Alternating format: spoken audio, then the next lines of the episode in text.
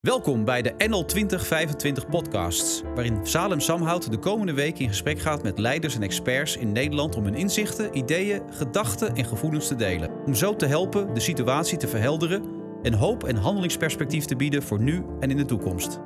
Samen maken we Nederland. Vandaag bij mij te gast een uh, bijzonder duo en een ook echtpaar, Marieke van der Linden, kunstenaar, en Juri Honing, saxofonist en componist. Het is leuk om ook eens naast al die bedrijfsleven mensen ook eens met kunstenaars in gesprek te gaan. En mijn eerste vraag aan jullie beiden is, en Juri mag ik bij jou beginnen, wat doet deze coronatijd met een kunstenaar? Uh, die veroorzaakt uh, heel veel uh, paniek en onrust. Ja? wat ik zelf doe met mijn team is dat we elkaar wekelijks via Zoom spreken om te kijken hoe het met iedereen gaat. Ja. Um, het had natuurlijk ingrijpende gevolgen in mijn veld. Want ik, ik, zit in de podiumkunsten, dus we hebben een viertal tournees moeten afzeggen. In Nederland, maar ook verder buiten, in Azië, Japan, Australië. Um, dus ja, de eerste zaak was om te kijken in hoeverre ik de mensen in mijn team uh, uh, enigszins tegemoet kon treden, financieel. Dus dat ze een beetje veilig bleven, want Ja. daar hangen ook allemaal gezinnen aan. En, Ja. eh, En wat is jouw team? Hoeveel mensen praten we over? En, nou, in kern eigenlijk vijf man. ja? Dus ik werk altijd in een kasteelconstructie, zoals ik dat noem. Dus het is heel moeilijk om bij mij eh, binnen te komen. Maar als je dan eenmaal binnen bent, is het ook heel lastig om er weer uit te komen. Ja, ja. Dus ik heb een, een vaste groep om me heen. Een pianist, een bassist en een drummer. Drummer is tevens mijn zakelijk partner Ja. in mijn organisatie. En ik heb een vaste technicus waar ik mee werk. Een vaste belichtingontwerper waar ik mee werk. En eh, Marieke natuurlijk, die ook onderdeel is van mijn team. Omschrijf eens die paniek. Wat, wat, ja, hoe ging dat, die paniek van jou? Nou ja, we hebben ongeveer twee jaar gewerkt aan een nieuw album. En dan is de kunst eh, om alles te synchroniseren. Dus niet het moment van release samen met het beeld, de A0's, eh, reclames, advertenties, noem maar op. En de tournee natuurlijk, dus dat de presentatie precies op het juiste moment is, op de juiste plek. En dat stond allemaal klaar. En toen een week voordat het zover was, dus dan heb je er helemaal naartoe gewerkt, Ja. eh, kwam de mededeling van de overheid dat alles dicht moest. Jeetje. Dus je had je investeringen gedaan Ja, en je omzet komt niet, zeg maar. Precies, ik, heb, eh, ik ben ongeveer anderhalf ton omzet misgelopen, wat in mijn veld echt heel veel geld is. Ja? Eh, maar ik voelde me vooral een, een totaal mislukte soufflé. Je implodeert, want je bouwt spanning op Ja. naar zo'n moment en dan denk je, tada, daar komt het. En dan komt het niet. Dat is een heel gek... En wat betekent het dat financieel? n- eh, nou ja, dat is eh, eh, op zich heel ingrijpend. Maar ik ben wel ehm, in de jaren hiervoor dat het wat beter ging, ben ik zo verstandig geweest om dat wat ik niet nodig had even apart te zetten. En ja, daar ben ik nu heel blij mee, want het zorgt ervoor dat ik het langer kan uitzingen. Ja. Marieke, wat deed dat met jou? Want je bent, jullie zijn een echtpaar en dan zie je plotseling die soufflé die in elkaar zakt en die omzet die wegvalt. Wat deed het met jou? Ik dacht in eerste instantie, eh, goed, dit is nu de situatie. Dan gaan we onmiddellijk kijken wat we nu wel kunnen doen. Ehm, zoveel mogelijk eh, concerten op laten schuiven, hè, bijvoorbeeld. Maar, en dat werd op dat moment ook al meteen geregeld. Maar toen was nog niet bekend dat, dat, het, dat het nog in de veel verdere toekomst ook eh, Ja. uitgesteld zou worden. Ehm, verder ja, nadenken en, en eh, meteen handelen in, pro- in projecten eh, die wel mogelijk zijn. Zoals eh, ik, ik doe al het beeld, dus ik maak films, videoclips, fotografie. Als je heel veel tijd hebt ineens, dan kun je daar erg veel aandacht aan besteden, ook aan het produceren. En omdat wij zelf al geïnvesteerd hebben in deze, of in een hele grote studioruimte, Ja, dat zie ik hier. is, ja. is, is alles mogelijk. Hè? Dus je kunt het zelf eh, al opzetten voor in de toekomst. Dus daar ben ik, eh, ben ik in eerste instantie mee eh, begonnen. Ja. Jullie, laat ik nog eens even terug gaan naar jou gaan. Zijn er regelingen van de overheid? Krijg je nog steun als kunstenaar? Hoe gaat dat? Eh, nou, die regelingen zijn er in, in principe wel. Ik val daar buiten omdat ik eh, eh, subsidie ontvang van het Fonds voor Podiumkunsten voor Ja. mijn organisatie. Ehm, dus ik heb niet aangevraagd. Zo simpel is het. En het is natuurlijk ook eh, het is een vriendelijk gebaar van de overheid, dat moet ik wel zeggen. Maar het is, een, eh, het is niet realistisch om te denken dat je daarvan, eh, ik bedoel, dat betreft een bedrag van 900 euro.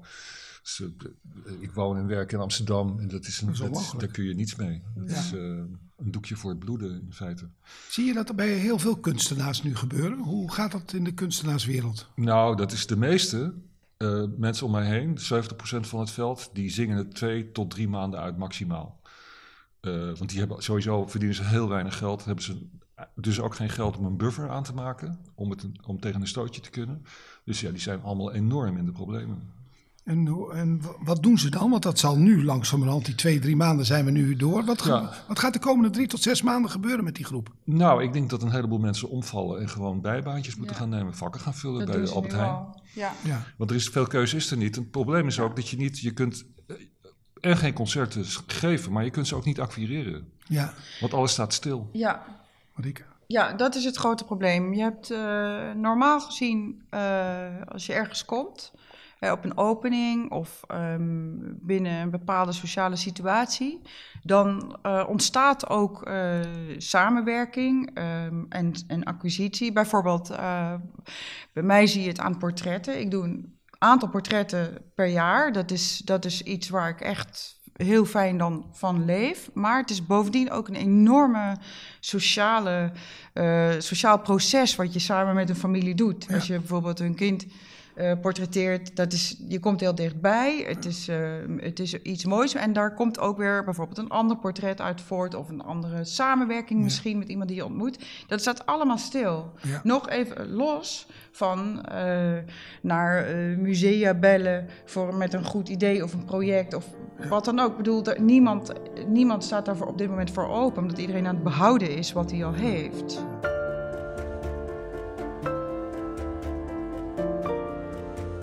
Uit het bedrijfsleven leer ik dat dit, ja, dit is een nare tijd. En die nemen dan snel hun verlies. Ja. En die kijken weer voorwaarts. En Ja. hoe, eh, hoe is dat eh, bij jullie twee? Wat, kun je al door de crisis heen kijken? En wat, wat zijn jullie plannen daarop? Nou, ja, ik ga er nu van uit, zoals ik, wat ik nu... Ik hou de internationale pers een beetje bij.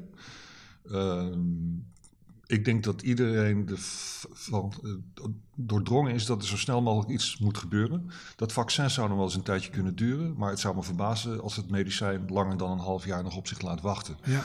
Ik denk dat ze snel iets vinden wat in ieder geval wat angels uit die eh, eh, COVID kan halen. Dus mijn organisatie gaat ervan uit dat we vanaf het najaar onder grote restricties al kunnen beginnen. Dus Ja. 100 man per set. En dan met afstand. En dan bijvoorbeeld twee sets doen. Dus dat twee keer opnieuw eh, twee concerten op een avond geeft. Ja. Zodat je toch een beetje een bereik hebt. We gaan ervan uit dat het vanaf het voorjaar weer wat normaler is allemaal. En het echt internationale werk, waar ik voor een groot deel van afhankelijk ben, eh, zal waarschijnlijk starten na de zomer van 21. Dus eh, volgend najaar. Dus je, hebt wel, je moet een jaar, anderhalf jaar. eh, maar zijn er nog digitale vormen van. eh, Ja, die zijn er wel, maar daar ben ik geen voorstander van. Dus dat is het streaming verhaal. Eh, dat heeft twee grote nadelen. Eén, eh, je doet het dan voor niets. En dat is heel onverstandig, want je, je bouwt heel lang aan marktwaarde en, en branding en dat soort dingen. En dan, zou je, dan geef je het zomaar weg. Maar ik vind het ook niet werken, want streaming is, is geen concert. Een concert, daar heb je een publiek voor nodig. Je hebt geen radiance, je hebt geen interactie. En er is ook geen spanning of verplichting om het uiterste uit jezelf te halen. Want je staat in een lege studio met een paar camera's. En dan suggereer je iets wat eigenlijk niet helemaal waar is. Dus het, je hebt aan één kant kun je de studio in om een nieuw album te maken, wat ik nu ga doen. ja. Of je geeft concerten. Maar streaming is eigenlijk net niks van beide. Een aantal jaren geleden was ik op Harvard en daar had ik een, een case en dat ging over de opera, eh, de New York Opera. En die, we hadden toen de case, kunnen we het gaan streamen door de wereld heen? En eh, er moesten wel studenten dat bepalen. En ik was zo'n student, nee dat zou niet werken zeg maar. Dat was mijn eh, perspectief. Maar jaren later blijkt het gewoon heel goed te werken eigenlijk. En zou jij ook niet op dat punt een perspectief, je zegt nu streaming is niks. Kun je niet nog omdenken dat het wel wat zou kunnen worden en dat het ook een businessmodel wordt? Eh, ja, maar dan is dat laatste vooral heel belangrijk. Het moet Ja. dan een businessmodel zijn. Eh, en daar zijn nu experimenten mee. Dus dat je eh, p- pay-per-view, zeg maar. Of Ja. dat je vooraf en dat je dan ook weet eh, wat ongeveer de omzet eh, zal zijn die je haalt. Dat verandert het al. Eh, en ik zou dan ook zeggen dat als je dat soort dingen gaat doen, als het interessant wordt, dat je veel meer aan het beeld moet gaan doen ook. Omdat je de, de natuurlijke interactie waarbij het genoeg is, als je gewoon op het podium staat en, en doet wat je moet doen, is dan onvoldoende. Dus dan zou je inderdaad bijvoorbeeld kunnen denken dat je meer vanuit een opera-gedachte iets moet presenteren. Dus met een decor Ja. en met een lichtopstelling die zo boeiend is en zo, en zo gevarieerd en dynamisch, dat, Ja. dat zo'n streamingconcert iets heel bijzonders wordt. En ze- eh, ja, ik zou dat hier niet kunnen eigenlijk. Jazeker. En waarom, ja, kijk, als ondernemer zeg ik dan, uh, je kunt zeggen, nou, het duurt nog een jaar, anderhalf jaar. Maar je kunt er ook het omarmen, het digitaliseren eigenlijk omarmen. Ja. En zeggen wat je net zegt, het is onmogelijk. Dat je denkt, misschien is dat wel mogelijk eigenlijk. Nou ja, dat, dat ligt al in de lijn van onze plannen. Ja. ja. Oké, okay, vertel daar eens over. Ja, kijk, het zit zo. Ik doe uh, um, naast schilder, uh, allerlei schilderwerk, uh, grote doeken enzovoort, ben ik ook uh, volkomen bezig met die schilderijen tot leven laten komen via di digitale technieken. En dat doe ik ook al langer. Ja. Um, en deze tijd is juist gebruikt om, om mezelf helemaal toe te leggen op dat enorm nog te ontwikkelen. Dus ik maak clips voor Jury, maar ik maak ook zelf allerlei GIFs. Um, dus dat zijn hele korte, ja. bewegende uh, filmpjes. Um, uh, allerlei andere technieken ben ik me nog in aan het verdiepen. Hoe ik dat in de toekomst verder uit kan werken naar bijvoorbeeld als achtergronden voor waarin Jury dan zou spelen. Ja. Dus, dus, want je moet, je moet, kijk, bij, bij opera, wat je aanhaalt, dat, dat klopt. Dat is heel interessant. Er zit ook een verhaallijn in, er zitten allerlei decors in, er zit er is heel veel afwisseling in. En bij, dat is iets anders dan met z'n vieren als een kwartet op het podium staan. Ja. Dus dan moet je daar, daar, daar, daar kan juist een heleboel mee. En dat is ook precies wat ik, wat ik op dit moment aan het doen ben. Dus ja. ik gebruik deze crisis juist om, uh, uh, om mezelf ook ja, technisch uh, op een hoog plan te brengen. Ja.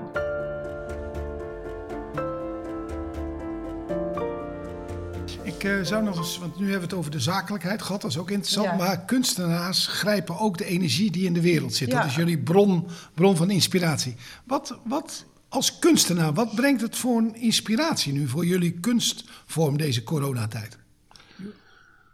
Uh, nou ja, uh, de isolatie denk ik, dat is de eerste. Dus, we zijn nu allemaal geïsoleerd. En we, het, het, uh, dat gebrek aan onderling contact is een hele eigenaardige vorm die ik niet eerder heb meegemaakt in mijn leven. Ja. En die zich eigenlijk, uh, het voelt bijna, zoals mijn moeder, die 84 is, het voelt bijna als een oorlog waar we in zitten. Ja.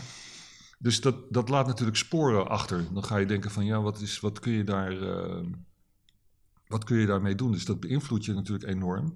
En het feit dat je zo op jezelf terug bent geworpen, ja. En dan met elkaar, ook, we zitten nu de hele dag uh, ook, ook, met op elkaars neus. Ja. Dat is ook een nieuwe situatie, want we zijn allebei workaholic. We ja. zijn gewend om alsmaar, ik ben ook alsmaar op reis. Ja, ja, ja. Dus het is nu heel raar, ik, met de mensen met wie ik nu spreek, die zeggen van ja, we hebben 30 jaar lang zijn we die hele wereld over geweest. Ja. Week in, week uit. En het is toch een groot voorrecht dat we dat hebben mogen doen, want nu ligt alles stil. Ja. En dan komt je inspiratie, moet je uit hele andere dingen halen. Dus je haal je uit boeken. Ja. Uh, en, en, allerlei research dingen die we. Want we zijn natuurlijk de hele tijd aan het, aan het uitvogelen van ja, wat, wat is, kunnen we daar niet nog een hoek vinden? Is dat niet een boek wat we even moeten lezen? Is dat niet. En zo, uh, om, dus je om... moet je inspiratie op een andere wijze vinden. Eigenlijk haalde je het eerst uit je reizen en nu haal je het uit boeken, stilte, natuur? Eh, wat, waar ja, het, het, is, het systeem is dus dat voor één unit output heb je drie units input nodig. Dus heeft het altijd gewerkt ja. vanaf het begin. Leg dat eens uit, want dat is een mooie uit. Uh, nou ja, kijk, ik, ik wil een stuk schrijven. Dat valt niet zo uit de hemel. Dat is gewoon componeren is hard werken. Maar je hebt ook context nodig bij alles wat je doet. Zonder context heeft, hebben dingen geen waarde. Uh, dus dan denk, je, dan denk ik aan een onderwerp bijvoorbeeld. En dan ga ik researchen. Dus het eerste wat ik doe is, is, wie heeft er allemaal dat hele idee al eens een keer op muziek gezet? Wie zijn dat geweest in de geschiedenis? Dat ga ik allemaal uitvogelen. Ja. Wie heeft er boeken over geschreven? Die boeken ga ik allemaal lezen. Uh, zijn er andere nog naslagwerken waarnaar gerefereerd wordt? Uh, zijn er nog meer vormen van inspiratie die ik daar kan koppelen? Bijvoorbeeld vanuit de schilderkunst of de beeldende kunst. Ja. En dat verzamel je allemaal totdat je een enorm overzicht hebt. En dan van daaruit produceer je een nieuwe compositie. En welk onderwerp wil je nu vastgrijpen? Waarin, waarin, zoek je nu de inspiratie? Nou, waar we nu nog mee bezig zijn, is de tentoonstelling die volgend jaar mei uh, gaat plaatsvinden in de fundatie. Die heet Blauwbaard. Ja. Een blauwbaard is een, is een uh, 18e eeuws of 17e eeuws uh, Frans sprookje van oorsprong. Ja, ken het. Van een, een man die slecht met zijn vrouw omgaat, zullen we ja. zeggen, vanuit een machtspositie. Ja. Ehm, en uh, vind, ik vind dat het blauwbaard-idee een interessant idee, omdat het van alle tijden is. Het was natuurlijk van oorsprong een moraal sprookje. Ja. Dus, uh, vrouwen beschermen tegen uh, gevaarlijke mannen. Ja. maar ik heb bijvoorbeeld ook de biografie van Picasso gelezen. Dat was toch ook een tamelijke blauwbaard in hoe hij met zijn vrouwen omging. En vandaag de dag heb je mensen als uh, Weinstein en Epstein, Ja, die toch ook, uh, dat is niet mals. Dus het, het, is van alle tijden, maar ik vind het ook, er zit ook iets moois in, want het is ook dubbel. Het is een misverstand aan twee kanten. Er zit ook een soort uh, toestemming vanuit het vrouwelijke perspectief zit er ook in. Wat vinden ze nou zo aantrekkelijk aan een blauwbaard? Ja. En hoe zit dat? En toen uiteindelijk stuiten we op een sonnet van Millet, heet zij, Edna Millet. Um, en daar het verschil met het oorspronkelijke verhaal was is dat die vrouw op een gegeven moment in die geheime kamer komt en die blijkt helemaal leeg te zijn. Dus het idee van al die vermoorde vrouwen bleek een idee fix. Dat vond ik een mooi idee. Dus een sonnet uit 37, Ja. 1937. En um, toen dacht ik van ja, daar kan ik wel iets mee. Want het is, Blauwbaard wordt dan weliswaar boos door het gebroken vertrouwen. En die zegt dan van nou weet je wat, hou jij het kasteel maar. Ik zoek wel een andere plek.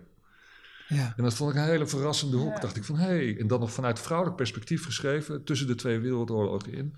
ja. Daar kon ik wat mee. Ja. Marieke? Ja, nou ja, ik heb zelf eh, eh, ook een heel ander onderwerp opgevat. Maar, eh, want thema's in deze tijd, wat, je, wat ontzettend opvallend is, dat is eh, beeldscherm. Alles gaat nu via beeldscherm. Mensen zitten alleen thuis eh, of samen thuis. 100% per dag eh, gaat de aandacht uit naar dat, naar dat kleine ding. En eh, verveling. Ja. Verveling speelt een hele grote rol. En hoe je dat terugvertaald ziet, is bijvoorbeeld in Engelse kranten, die zijn er heel goed in. Ik lees elke dag internationale kranten, s ochtends.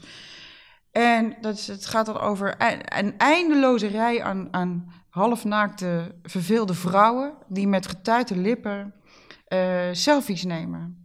En bij elkaar is dat zo'n bizarre verzameling. En het, is echt, het zegt heel erg veel over deze tijd. Van hoe je jezelf profileert of presenteert. En vanuit verveling eh, dan maar de bikinifotootjes eh, van jezelf eh, op, het, op het net zet. En die, die ben ik aan het schilderen. En het schilderen is natuurlijk omzetten in klinkende olieverf. Hè? Ja. Dat is vaste materie. Dat is, zijn geen pixels. Dus dat is. En wat ik, wat ik hiermee wil doen is, eh, is een tijdsbeeld schilderen. Zoals nu de wereld er visueel uitziet. En voor heel veel mensen uitziet. En hoe ze, zich, hoe ze zelf die, Ja. die schermen toe-eigenen om zich, om zich te presenteren. Ja. Want ik denk dat als stel je voor over 10 of 20 jaar die mobiele telefoon weer uit is en we hebben misschien andere gadgets waarmee we eh, ons communiceren. Nou, of, of misschien wel over 300 jaar dat je kunt zeggen, wat waren die gekke dingen die die mensen allemaal in hun hand hadden, waar ze, mee, waar ze maar in zaten te Kun kijken. je nog eens even, want wat jij zo zegt, de blauwbaard, daar kom je eigenlijk de MeToo-beweging, Ja. kom je dan bijna aan lijn. En jij omschrijft dan eh, vrouwen die zich dan in bikini fotograferen Ja. met tuitende lippen. Dat zijn eigenlijk twee dingen die dan eigenlijk op elkaar botsen. Ja, eigenlijk. ja, die vrouwen die, die wil ik ook een aantal daarvan in die blauwbaard tentoonstelling plaatsen. Omdat ik, me er, omdat ik me heel goed kan voorstellen dat de- hoe een kasteel van Blauwbaard er in deze tijd uit zou zien. Het zou een fantastische villa zijn à la Berlusconi. Ja. Aan het strand met wuivende palmen en allemaal weet je, van die lazy, lazy ladies eh, aan de rand van het zwembad eh, met, een, met een telefoon. Ja. Dat past daar juist heel erg goed in. Hoe vertaal je dat naar muziek toe? Als je deze twee werelden bij elkaar past. eh? Nou ja, kijk, ehm, je hebt in muziek natuurlijk een hele sterke hiërarchie. eh, eh, in, de, in, de, in de compositie van, van alles wat je maakt. Van, dit, moet bovenin, dat moet aan de zijkanten, dit, moet, dit is een onderlaag. Eh, je hebt een samenwerkingsverband.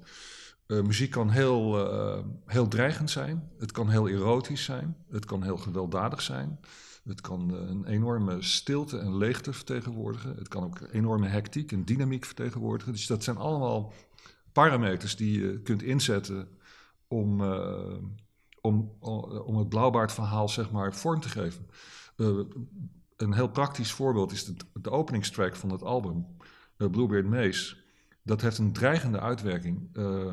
En als je dat gaat analyseren, komt het omdat het is in zes achtste geschreven. En er zit een ritme onder, wat de drummer speelt in vijf achtste.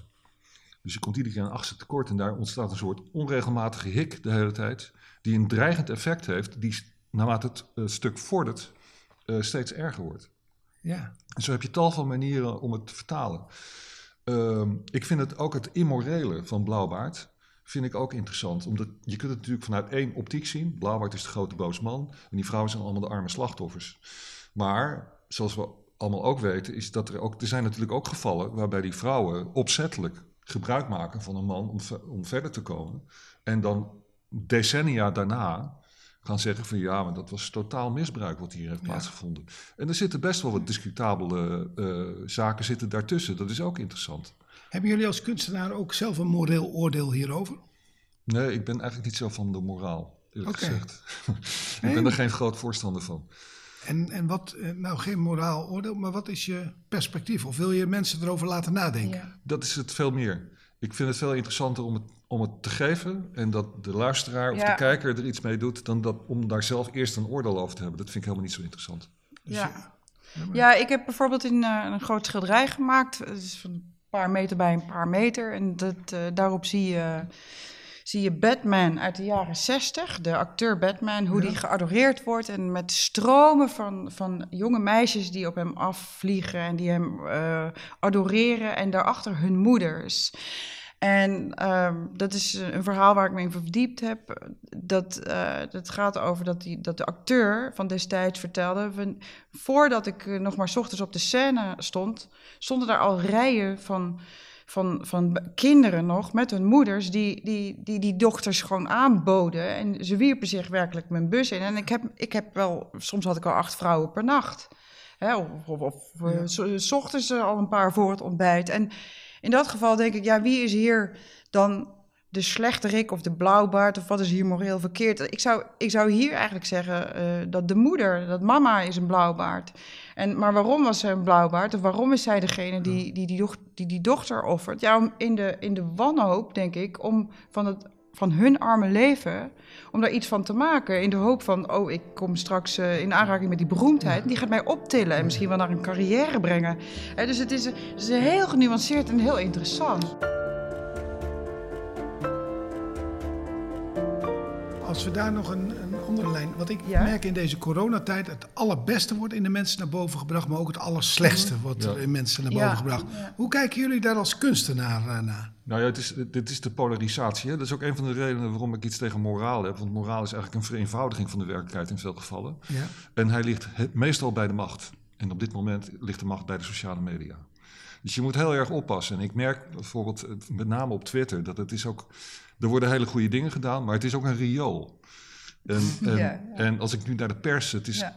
de hysterie van deze tijd over corona... en over allerlei dingen die er eh, onderstromen. Dus o- over al- allerlei morele uitgangspunten... die plotseling eronder geschoven worden. Wetgeving... Eh, terwijl die wetgeving vaak helemaal niet gebaseerd is op voldoende onderzoek. Het is allemaal natte vingerwerk. De adviezen van de RIVM en Ja. hoeveel macht ze hebben op dit moment. Is dat eigenlijk wel terecht? En is dat niet in strijd met de grondwet? Is het wel eigenlijk binnen de wet wat daar allemaal gebeurt? Het zijn allemaal hele gekke dingen. En dan daarbovenop nu met eh, Black Lives Matters. zo- zo'n, eh, het racisme-debat, dat is ook zo'n interessante. Vooral in Nederland. Want in Nederland willen we er helemaal niet over praten. We willen over Ja. alles praten, behalve racisme. Ja. We kunnen het gewoon niet aan. Het is bijna zoiets als de Zwarte Piet discussie. Ja, ja ik zie dat ook echt als een emotionele catharsis aan het eind van zo'n periode. Dat je, dat je echt elkaar niet eens aan mocht raken. Of dat mensen bang voor elkaar in het algemeen zijn in, de, in een supermarktsituatie. En dan dit is wat er nu dan de afgelopen week gebeurt. Het is zo'n ontploffing. En, en vooral natuurlijk wereldwijd. Waar in Londen is het nog vele malen erger. En hoe duiden jullie dat dan? Dat het zo'n ja, zo'n hysterie is en dat het zo explodeert? Nou, dat komt, dat komt in de eerste plaats denk ik door corona. Omdat mensen zitten thuis, hebben Ja. weinig contact. Dus het is zeg maar ademhalen door een rietje. En dan plotseling gaat af en toe gaat het, gaat het raam open. En dan is het boem. Ja. Dat is het aan één kant. En aan de andere kant is, is het, de toename eh, van de kloof tussen arm en Ja. rijk begint zo groot te worden. Dat het is vragen om, eh, om... Nou, wat je in Amerika zit, die zit op de grens van een burgeroorlog. Ja. En dat gaat nog over veel meer dingen dan alleen racisme. Het, is gewoon, het gaat erom dat een hele kleine minderheid alles heeft. En een hele grote meerderheid helemaal niets. En zo werken En, ook... en ook geen uitzicht daarop. Hè? Geen, kansen, geen onderwijs. Ik bedoel, in Nederland is het eigenlijk heel goed geregeld. Want alle kinderen, ik, ik doe zelf ook veel aan kunsteducatie voor juist in eh, de zogenaamde kansarme scholen. Op kansarme scholen. En die, eh, maar daar nog zie ik dat die leraren voor elk kind vechten. Ze krijgen allemaal ook hetzelfde lespakket. Ze krijgen allemaal dezelfde toetsen. Dus in Nederland krijgen kinderen echt basically dezelfde kansen. Ze kunnen ook zelfs nog gaan studeren. Maar dat is een heel ander verhaal in Londen. En in Amerika is er helemaal geen vergelijking natuurlijk. Nog uh, laatste vraag die ik heb. Jullie, ja, je proeft hier, of in de ruimte voel je de, jullie diepere gevoelens. En uh, hoe gaat zich dat, uh, die diepste gevoelens die jullie nu, hoe gaat zich dat nu vertalen in creatieve expressie die jullie de komende maanden gaan doen? Mag ik bij jou beginnen, Marieke, en dan eindig ik bij jullie. Ja, ja, ik denk dat het voor heel veel mensen zo geldt dat je, um, dat je het ook psychisch uh, toch wel ook bovenop moet komen om opnieuw focus te verzamelen. En um, ja, je discipline helemaal 100% op orde te krijgen. Want dat is heel gek als alle deadlines, deadlines uh, tussenuit zijn getrokken en er is geen werk meer dan is ook je, je praktische focus wordt ineens veranderd. Hè? Los nog even van die kinderen die allemaal thuis les krijgen en zo weiter. Dus het geldt voor veel mensen. Ik denk dat het voor heel veel mensen zo is geweest, en voor mij ook, dat uiteindelijk na een paar weken, dat je je toch voelt als een renpaard, wat, wat als, een, als een raspaard, wat staat te trappelen voordat het poortje open gaat van de wedstrijd. En dat poortje gaat maar niet open. Hè, dat je dan uiteindelijk op door je hoeven zakt, nog voordat het poortje open gaat. En nu gaat het poortje langzaam open. En nou moeten we eigenlijk weer opnieuw rechtop gaan staan en een nieuwe focus bepalen. Uh, niet alleen maar in onze fantasie, maar ook in, in werkelijkheid en discipline. Hoe, hoe, we dit verder gaan doen. En uh, intussen uh, ook heel erg blij zijn met dat straks mensen weer echte schilderijen kunnen zien en echte muziek kunnen horen. En dat is echte materie, dus echte olieverf, ruiken, proeven, in die energie uh, staan. Want digitaal, pixels en uh, herten zijn niet hetzelfde als echt letterlijk er, er het, het, echt mogen opzuigen ja, en er deel van uitmaken. Oké, okay, hoe is dat met jou, Juri? Welke creatieve uitingen gaan we van jou zien de komende maanden? Nou, ik denk dat, uh, kijk, de grootste kracht van muziek, waarin het zich onderscheidt van al het andere op deze wereld, is dat het mensen samenbrengt. Ja. En ik denk dat dat is nou precies waar mensen enorm naar verlangen. Ze verlangen naar weer met elkaar uh, iets te beleven. Um, en ik denk ook in, uh, dat omdat het nu door die crisis uh, zo duidelijk is hoe bepaalde bedrijven werken, functioneren, Airbnb, Booking.com, KLM. Uh, waarbij die aandeelhouders eigenlijk, zodra het kan, alle winst eruit halen en bonus geven aan de CEO. Mm. En bij het minst geringste tegenwind worden iedereen die er werkt, wordt er gewoon uitgedonderd. Dat is een soort gebrek aan ethiek in het ondernemerschap, waar nu zulke vraagtekens bij gezet worden dat je kunt afvragen of dat nog vol te houden is op langere termijn. Ik vraag het me af. Vind ik interessant om, uh, om uh, ook op te reageren, maar ik denk ook dat mensen behoefte hebben straks als de boel weer open gaat is het niet alleen voor mij een opluchting dat ik weer op het podium sta. Ja. Ik denk dat het voor het publiek ook een opluchting is dat ze weer in de zaal zitten. En dat ze weer geraakt kunnen worden en getroost kunnen worden en geïnspireerd kunnen worden. Ja. Wat mijn, als ik jullie zo hoor, dan, als ik dat vergelijk met ondernemers, dan zit er, jullie kunnen veel beter jullie gevoelens en jullie diepe emoties uh, expressie aangeven. dat, is, dat is echt mooi om te zien. Dan denk ik, god, dat zou het bedrijfsleven veel aan hebben. Wat, ik, wat jullie weer van het bedrijfsleven kunnen leren, ja. is de gevoelens die je nu hebt, nu al in actie om te zetten. Zeggen, dat kan niet, dat is niet de echte actie. Als ik, nou, als ik zo naar jullie kijk, dan denk ik, hup, uh, expressie geven. Dan maar concerten voor 30 man. Of uh, uh, door de grachten heen met prachtig spel en dat er heel veel mensen van genieten. Je kunt ook je podium op een andere manier bekijken. Dus dat zou ik zeggen aan jullie. Er zit zoveel gevoel en jullie kunnen zoveel expressie nu geven en veel beter duiden wat het nu is. Maar zoek het podium al veel sneller op. Wacht daar niet te lang mee. Dat zou mijn advies zijn. Ik heb nu al zin om een hele mooie boot in te richten. Waarmee we over de grachten gaan varen. En dat het publiek langs ons voorbij glijdt. Ik, uh, ik zou het hopen. Ik hoop uh, dat ik daaraan mee kan werken om dat tot stand oh, te brengen. Nou, dus, daar, uh, daar gaan we het zeker over hebben dan. Oké. Okay. Ja. Nou, dank jullie wel ja, voor jullie mooie tijd en, en jullie prachtige atelier. Dank jullie wel. Dank je wel. NL 2025 is een diverse beweging waar honderden aanjagers vanuit onder andere het bedrijfsleven, kunst en cultuur, media, sport, onderwijs en wetenschap zich op persoonlijke titel inzetten voor een mooiere toekomst voor Nederland, voor de huidige en toekomstige generaties. En dat doen we vanuit het pay it forward principe. Ik doe iets voor jou en dan geef jij het weer door aan iemand anders.